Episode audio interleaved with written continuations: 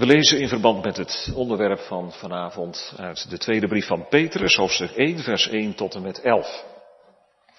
En na de schriftlezing zingen we, of neurien we Psalm 50, vers 9.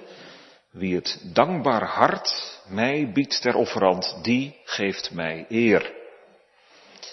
Psalm 50, vers 9, nadat we gelezen hebben 2 Petrus 1, vers 1 tot en met 11.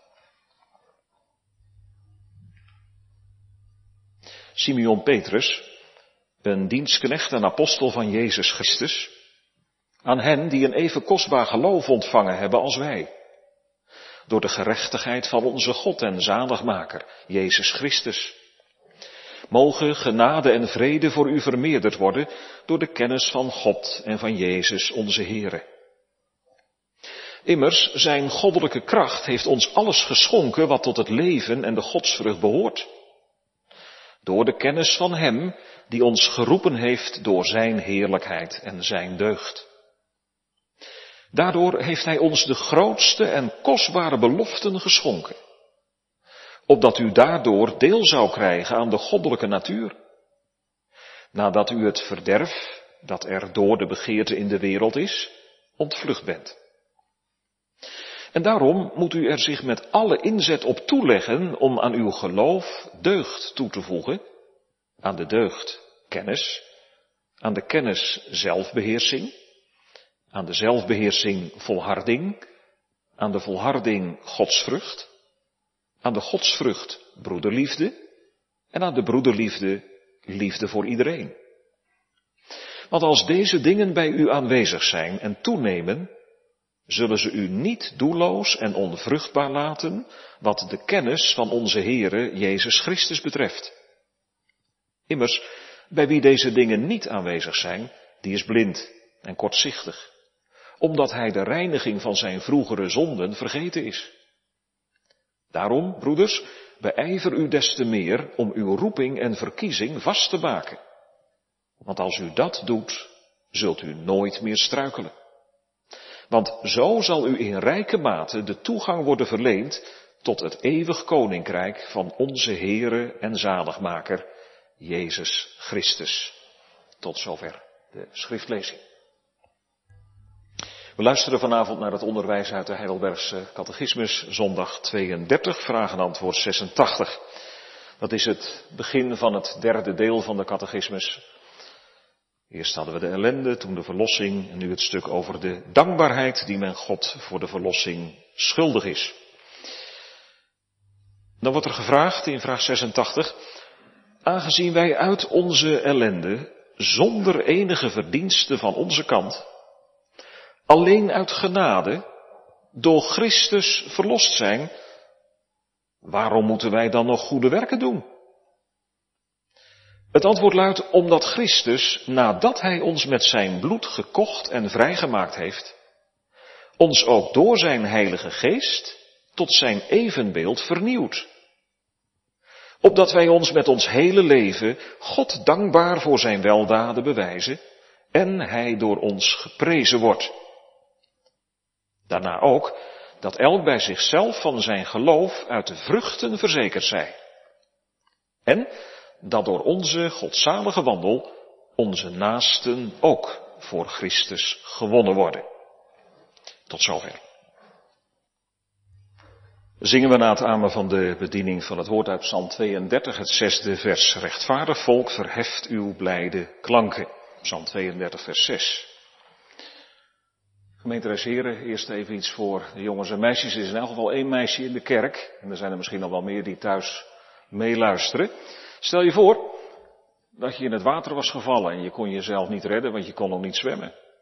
Maar gelukkig, er was een man of een vrouw of een jong of een meisje, die sprong jou achterna. En die haalde jou naar boven en die redde jou, die zette jou op de kant.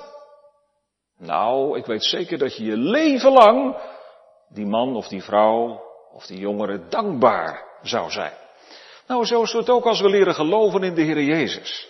Hij wil ons redden van de straf die wij door onze zonden verdiend hebben. Maar als ik dan echt in Hem geloof, dan zal ik Hem altijd dankbaar zijn. Eeuwig dankbaar. En weet je wat dan zo mooi is? Dan is dat niet iets uit jezelf. Maar dan is dat iets wat de Heilige Geest in je hart heeft gelegd. Hij maakt je van binnen anders. De Heer Jezus was niet alleen maar je zonden af, maar hij maakt je ook van binnen nieuw, zodat je steeds meer op de Heer Jezus gaat lijken. Je gaat doen wat Hij wil. Op school, thuis, in de straat, op vakantie, overal. Want als God je bekeert, dan is dat aan je hele leven te merken. Je wilt de Heer uit dankbaarheid dienen. En daar gaat het vanavond over. Gemeente, hoe komt het tot echte dankbaarheid in ons leven? Niet als wij er een soort boedelscheiding van gaan maken. Zo van, nu heeft de Heer alles gedaan wat Hij kon. En nu ben ik aan zet. Nu moet ik er iets tegenover zetten. Dat wordt nooit wat. Het is een gouden greep van de opstellers van de catechismus om in het antwoord rechtstreeks naar Christus te verwijzen. Dat dient de eer van God. En dat dient ook onze verlossing.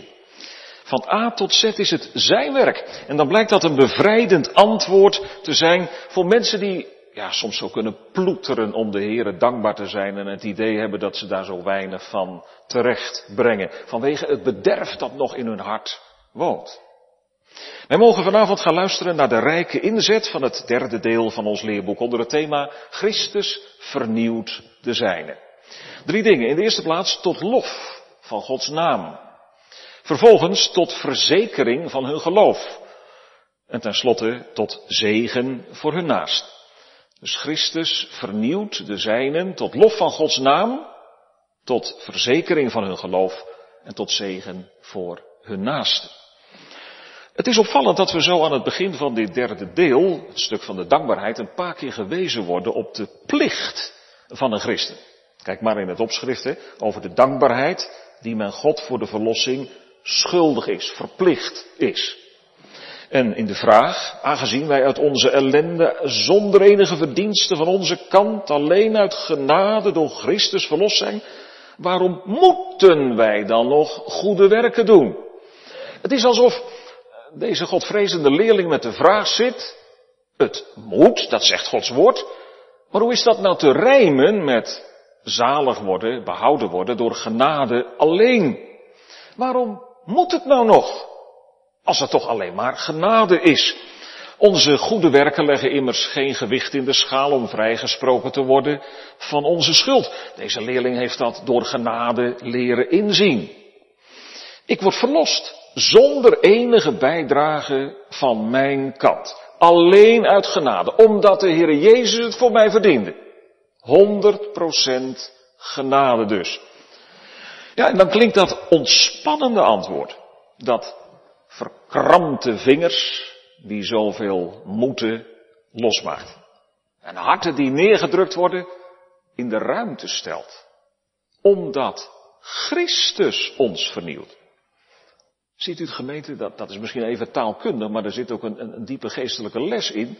In de vraag, waren wij het onderwerp van de zin? Waarom moeten wij? En in het antwoord is Christus het onderwerp van de zin omdat Christus ons vernieuwt. Dat is een gouden bijbelse greep.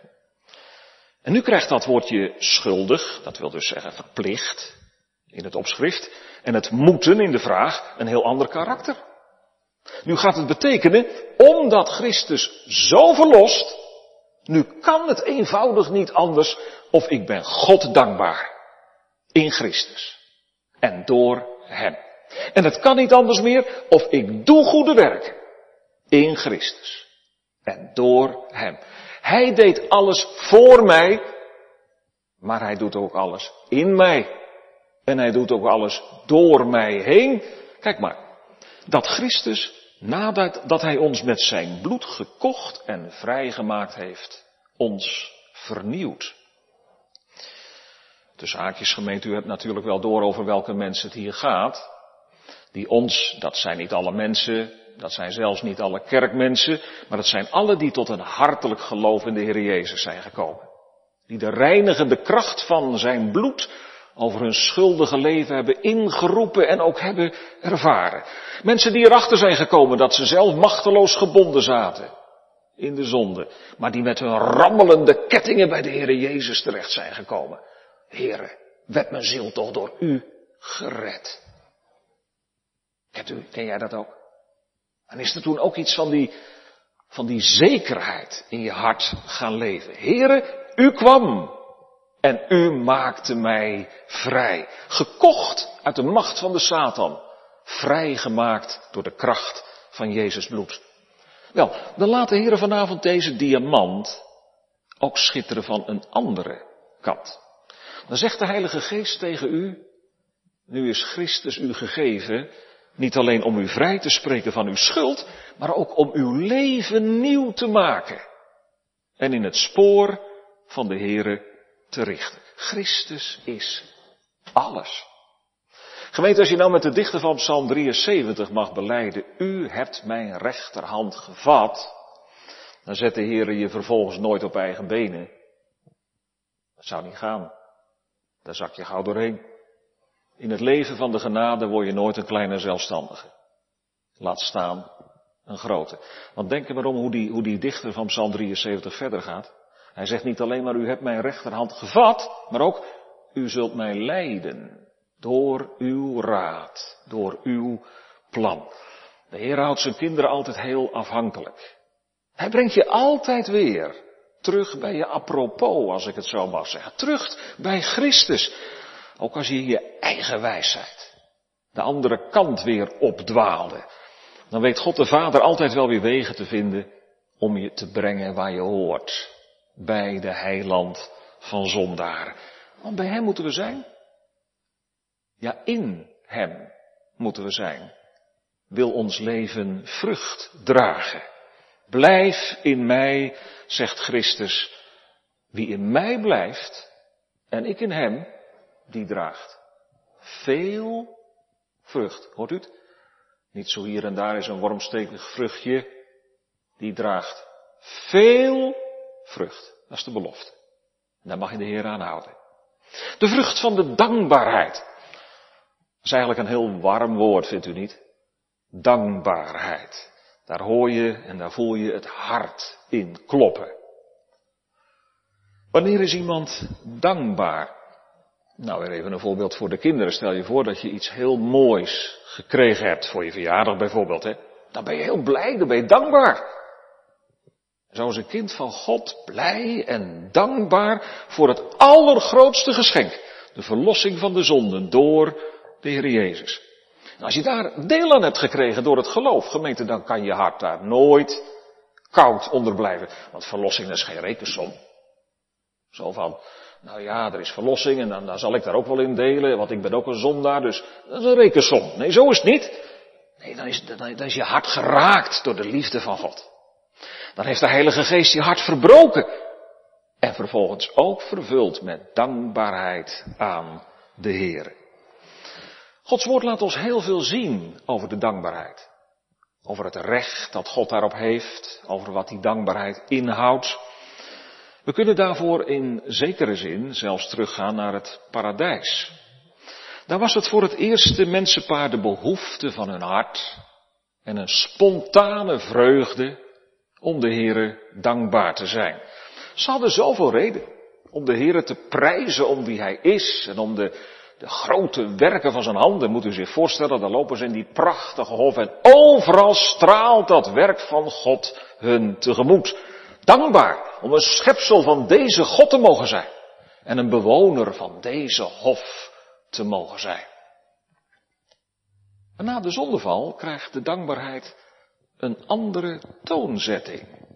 Het woord krijgt een nog veel dieper, inniger klank omdat het nu een dankbaarheid is voor de verlossing van een totaal verdorven mens. Over de verzoening van een vijand met God. Het is nu dankbaarheid over Gods ontferming over een ellendige. Genade Gods, weet u wel dat lied Amazing Grace? Genade Gods, hoe loof ik u voor redding onverdiend. Trilt die dankbaarheid al in ons hart? Dan is dat echt het werk van Gods geest. Die mij dat uit de volheid van de Heer Jezus schenkt en leert. We vinden in het Oude Testament al prachtige voorbeelden van dankbaarheid.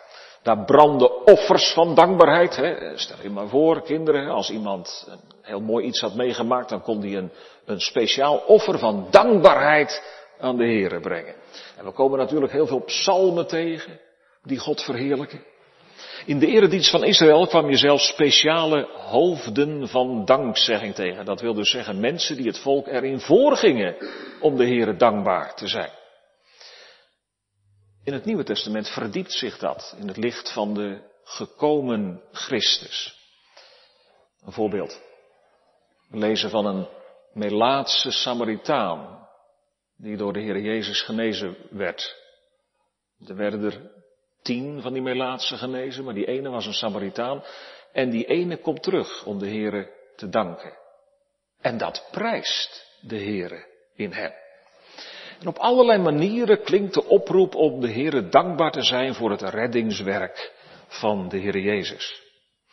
Nooit en nergens is het volk van God los van de roeping tot dankzegging. Geen nacht zo zwart. Geen kruis zo zwaar dat deze dienst zou mogen ophouden. Dank God. Nee, niet voor alles, maar dank God in alles, luidt de opdracht. De Heilige Geest werkt dat uit in het hart van ieder die de Heere lief heeft. Dan klinken de psalmen in de nacht. Dan zie je Paulus en Silas in de gevangenis zitten met die bebloede ruggen omdat ze gegezeld zijn. En zo'n gevangenis was bepaald geen hotel, maar dat was een verschrikking. En ze zingen God lof. Hoe kan dat? Het antwoord zegt het prachtig. Omdat Christus ons vernieuwt naar zijn evenbeeld. Wie dankbaar is voor de verlossing, die vertoont daarin zijn beeld. Want de Heer Jezus ging ons erin voor om de Vader te danken. We komen dat een aantal keren tegen in het Nieuwe Testament. Dat was het ware eerbiedig mogen meeluisteren naar een gebed van de Heer Jezus. En dan hoor je, ik dank u, Vader.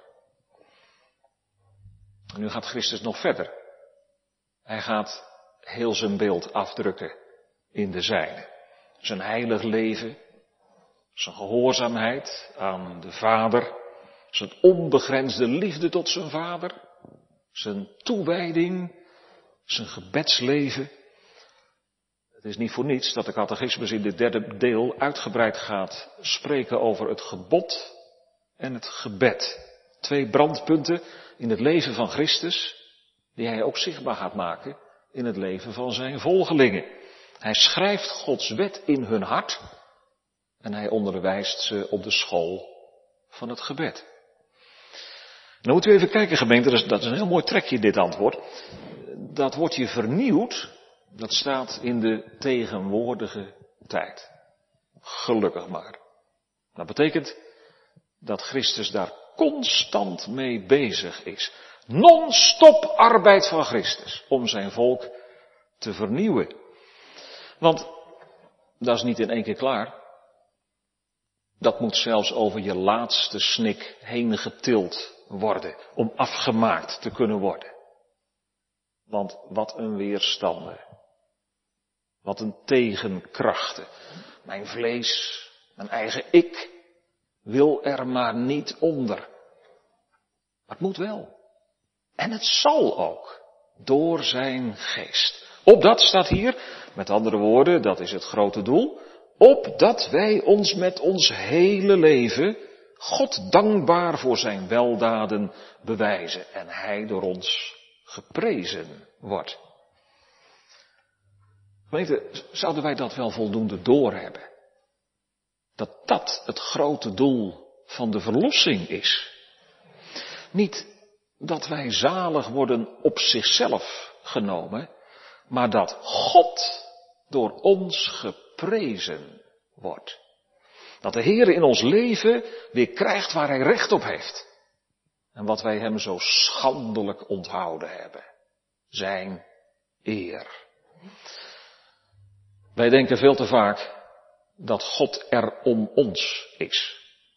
Wij vinden dat hij te alle tijden maar voor ons klaar moet staan. Om te doen wat wij vinden dat hij moet doen. Maar als hij dat niet doet, oh wee, dan is het huis te klein. Maar zo ligt het niet. God is er niet om ons. Wij zijn er om God. Dit volk heb ik mij geformeerd. Zij zullen mijn lof vertellen, zegt hij. En dat besef, dat zijn wij door de zonde zo kwijtgeraakt. Maar de Heilige Geest gaat het mij weer aan het verstand brengen. En in het hart leggen. En langs die weg komt dat grote doel in principe weer in het gezichtsveld. Hem groot maken. Dat wordt je verlangen. Herkent u dat? Herken jij dat? Dat je zegt, ja, dat, dat is nou het punt waar het om gaat in mijn leven. Hoe dan? Niet door maar iets van onszelf aan de Heer te geven. Ja, dat gaat nog wel, hè.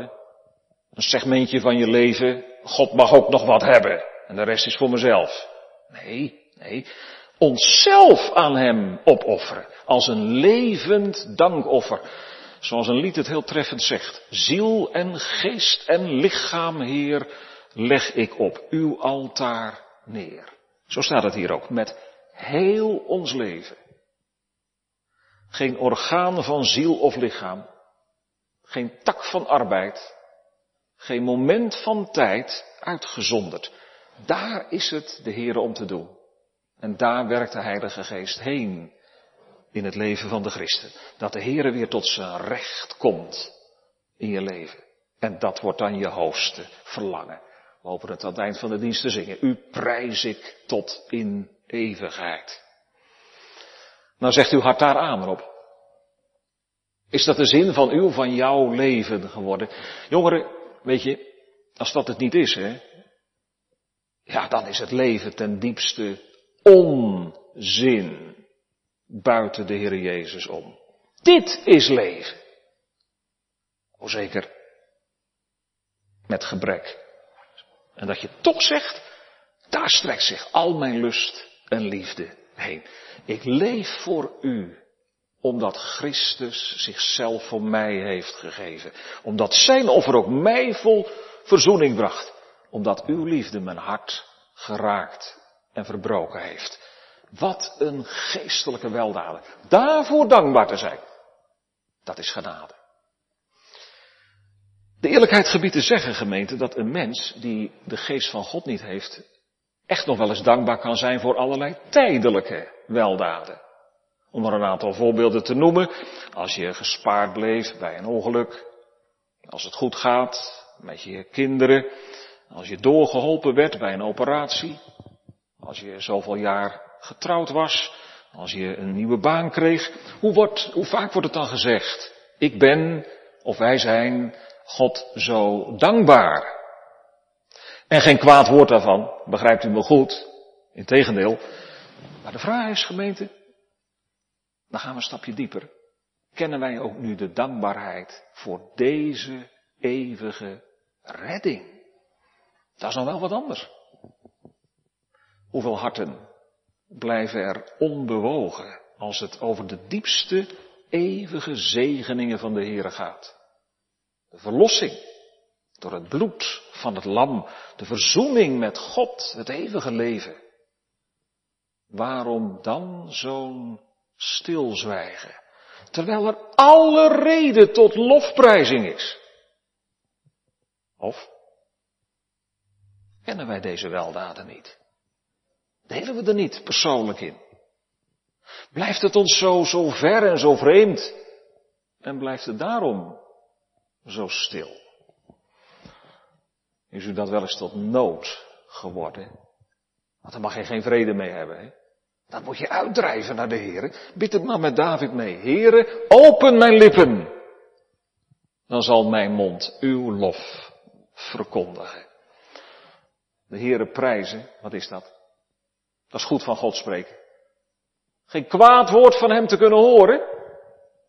Zoals, zoals een kind dat van vader en moeder houdt geen kwaad woord van zijn of haar ouders kan horen. Want het houdt zoveel van de ouders.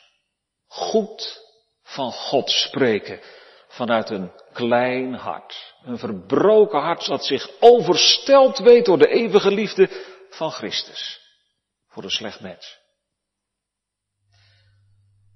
Misschien zit er vanavond iemand in de kerk of, of er luistert vanavond iemand met ons mee die denkt, ja, dat, dat, dat groot maken van de Heer, daar ben ik nog zo weinig aan toegekomen in mijn leven. Maar ik kan het niet laten om tot Hem te roepen in mijn nood, te roepen om genade. Nou, broeder of zuster, daar maakt u de Heer ook groot mee. Gebroken tonen zijn Hem zo aangenaam. We lezen het opnieuw in Psalm 51, woorden uit de mond van een mens die helemaal aan de grond zat in zijn schuld voor God. En dan zegt David, de offers die God behagen, zijn een gebroken geest. Een gebroken en verslagen hart zult u, o God, niet verachten. Maar dan gaat de Heer ook doorwerken. Net zolang totdat hij je op de hoogte van de lofprijzing heeft. Een hoogte waar niet een mens groot wordt, maar waar je hoog opgeeft van de drie enige God. Wij loven u, o God. Wij prijzen uw naam. In dat uur van aanbidding ga je ook iets beleven van het, het beginsel, het principe van de eeuwige vreugde. Dan oefenen we en dan repeteren we hier voor het onafgebroken halleluja in de hemel en op de nieuwe aarde. Mijn God, u zal ik eeuwig loven, omdat u het hebt gedaan. Dan gaan we naar het tweede. Beide volgende punten zijn iets korter. Het tweede, Christus vernieuwd te zijn ook tot verzekering van hun geloof. Dit tweede element neemt terecht een bescheiden plaats in, maar het mag ook zeker genoemd worden. Daarna ook dat elk bij zichzelf van zijn geloof uit de vruchten verzekerd zij.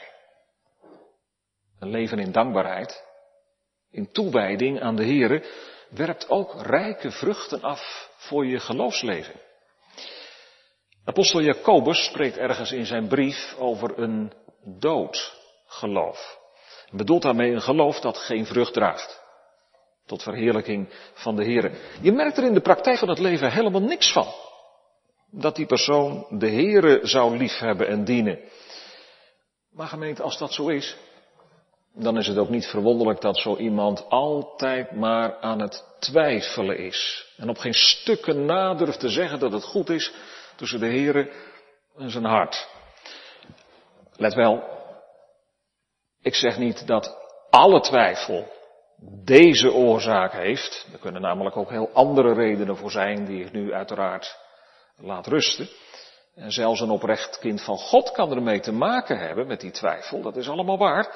Maar twijfel kan als oorzaak hebben een dood, een onvruchtbaar geloof.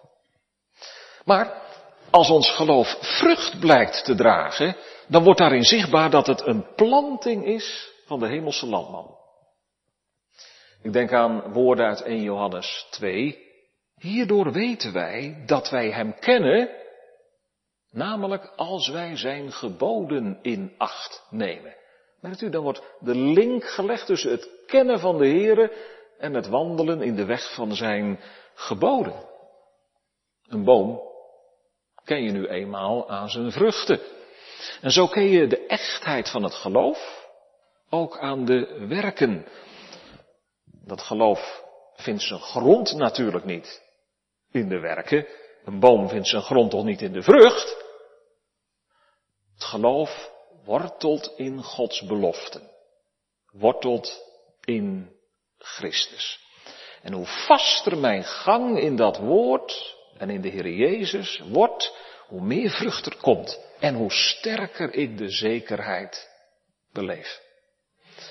De dichter van Psalm 119 bidt, en wij mogen dat gebed overnemen, maak in uw woord mijn gang en treden vast, opdat ik mij niet van uw paden zal keren.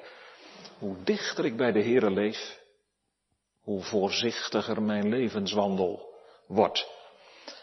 En als u dan soms toch wel eens kunt twijfelen of de Heere met zijn genadewerk in je leven begonnen is, dan laat de Heilige Geest vanuit de vruchten in je leven wel eens zien er is toch een andere koers gekomen in jouw leven. Er zijn dingen in je leven die niet uit vlees en bloed zijn te verklaren. Bijvoorbeeld dit. Wat mij vroeger een lust was, leven tegen Gods geboden in, dat is mij nu een last. En wat mij vroeger een last was, het dienen van de Heer, dat is me nu een lust geworden. En dan bemoedigt de Heer je wel eens door te zeggen, kijk, dat is nou wat ik in je bewerkt heb. Dat is niet uit jezelf te verklaren. Dat is van mij. We zouden het zo kunnen zeggen. Verzekerd worden van de echtheid van mijn geloof uit de vruchten, dat is niet de hoofdlijn. De hoofdlijn is alleen de belofte van de Heere waarop mijn zekerheid rust. Maar het is wel een, een kleine hulplijn die de Heere wel eens geeft om een wankelend mens te bemoedigen, te ondersteunen. Het zijn zo voor het oog geen opvallende dingen. De pers komt er niet op af. Het is de vrucht van de geest die hij doet rijpen. Liefde, leidschap, vrede, geduld, trouw, goedheid, zachtmoedigheid, zelfbeheersing. Nee, de wereld om je heen trompet de lof daarover niet uit. Maar dit is nu de vernieuwing die de Heilige Geest bewerkt. Als wij iets van die vrucht van vernieuwing bij onszelf opmerken, dan verzekert de Heilige Geest ons van de oprechtheid van ons geloof. De twijfel besluit je minder. De vastheid in de Here neemt toe. Het besef dat je uit de dood bent overgegaan in het leven wordt steeds sterker. Johannes zegt het zo, hieraan weten wij dat wij uit de dood zijn overgegaan in het leven, dat wij de broeders lief hebben. Heel praktisch, daar merk je het aan. En gemeente, wie, wie deze vrucht nou totaal mist, ja, die moet zich echt afvragen of zijn geloof niet op inbeelding berust. Zeker, het is waar, er is soms ook geloof zonder dat er overvloedige vrucht is. Vrucht heeft ook altijd tijd nodig om zich te zetten en te rijpen. Dat is ook waar. En soms kan een mens zichzelf ook zo in de weg staan. Zou je nou denken dat Lot een rechtvaardige was? Als je kijkt hoe die man geleefd heeft, ja, toch wordt hij zo genoemd. De rechtvaardige Lot. En Simpson zouden wij niet gekandideerd hebben voor ouderling. Toch wordt hij genoemd in de rij van geloofsgetuigen in Hebreeën 11. Dus er zijn mensen waar je maar weinig vrucht ziet. Dat is waar en dat is helemaal op rekening van zulke mensen te schrijven. En toch gemeente, waar de boom goed is, daar zal iets van de vrucht zichtbaar worden. Hoe gering eerst ook. En laten wij er in elk geval deze les ook maar uit ter harte nemen. Een slordige levenswandel bevordert de geloofszekerheid niet. Maar staat hij juist in de weg. Ieder die de Heere vreest wordt aangespoord door wat we gelezen hebben bij de apostel Petrus. U moet zich er met alle ijver toe zetten, alle inzet op toeleggen om aan uw geloof deugd toe te voegen. Aan de deugd kennis, aan de kennis zelfbeheersing, aan de zelfbeheersing volharding, aan de volharding godsvrucht, aan de godsvrucht broederliefde en aan de broederliefde liefde voor iedereen. Want als deze dingen bij u aanwezig zijn en toenemen, dat is die groei en toenemen, dan zullen ze u niet doelloos en onvruchtbaar laten wat de kennis van onze Heer Jezus Christus betreft. Met andere woorden, als je wandelt in de wegen van de Heer, heel concreet in je dagelijkse leven, dan neemt de genade en de kennis van de Heer Jezus in je leven toe. Ten slotte, Christus vernieuwd te zijn en ook tot zegen voor hun naasten. En dat door onze godzalige wandel onze naasten ook voor Christus gewonnen worden. Dat is ook een doel dat Christus heeft met zijn vernieuwende werk. Een missionair doel. een zendingsdoel. Zien we het, gemeente? Christus staat erachter. Hij geeft de zijnen de eer dat hij hen wil inschakelen om ook anderen tot hem te trekken. Er is voor de heiland dus geen tegenstelling tussen wat hij zegt aan de ene kant over zichzelf, ik ben het licht van de wereld, en wat hij zegt van zijn discipelen, van zijn volgelingen. Jullie zijn het licht van de wereld. Jezus' volgelingen zijn het licht van de wereld door hem. Hij schijnt, om zo te zeggen, door hen heen. En zij zijn omgekeerd transparant, doorzichtig, tot op Christus. Nou gemeente, hoe is dat bij ons? Zijn wij transparant tot op de Heer Jezus?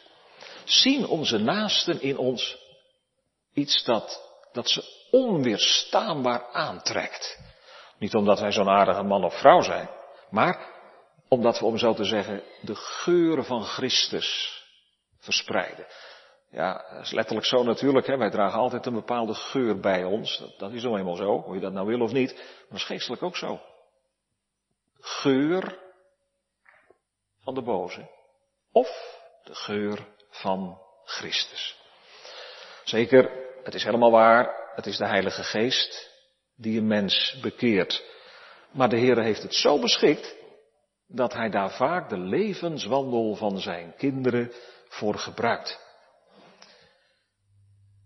Ja, dan is er vandaag wel reden tot zelfonderzoek gemeten.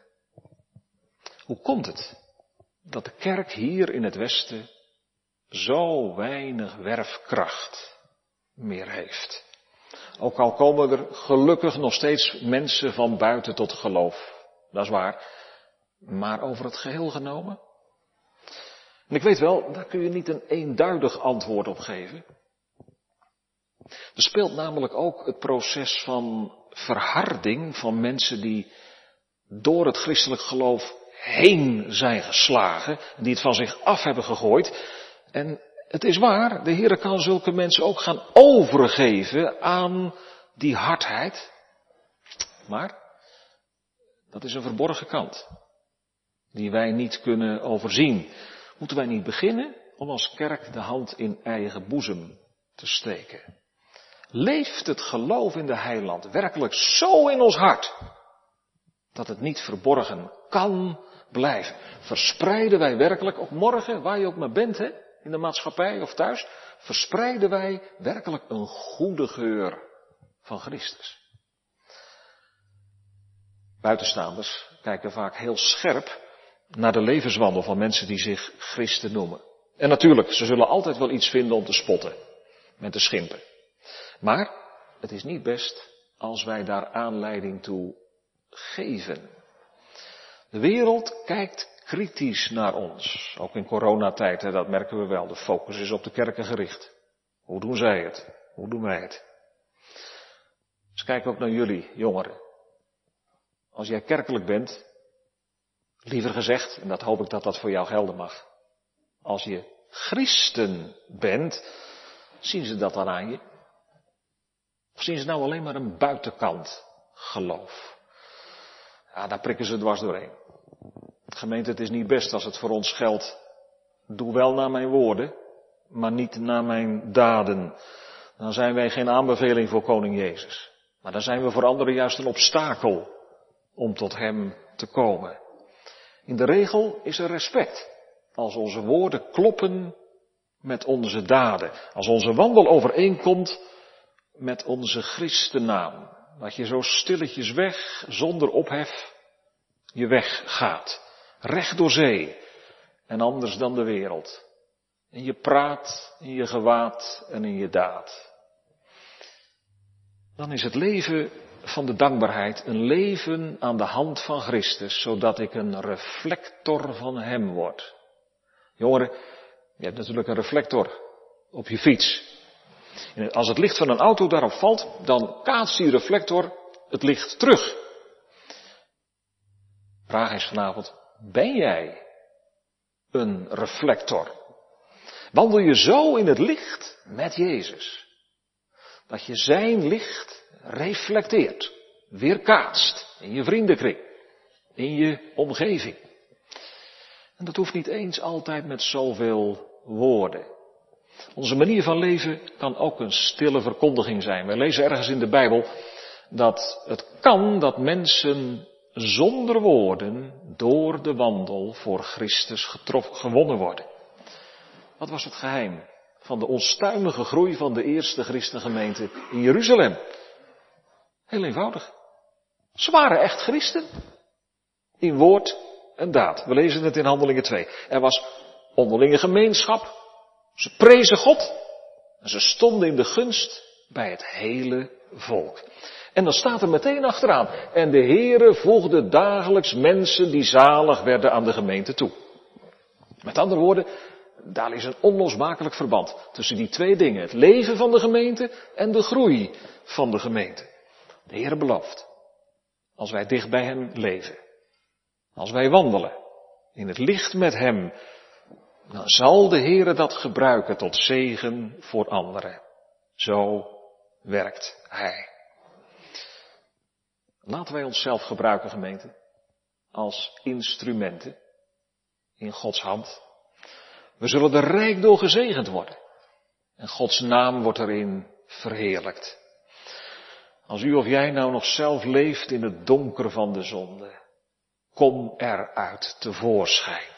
En zie, want het waarachtige licht schijnt nu. Waarom zou je ondergaan? In het eeuwige duister.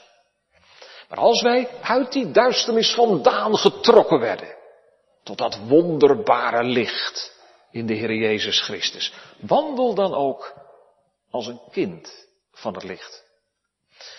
De Heer Jezus zegt, en daarmee willen we eindigen, laat uw licht zo schijnen voor de mensen, dat zij uw goede werken mogen zien. En uw Vader die in de hemelen is, verheerlijken. Amen.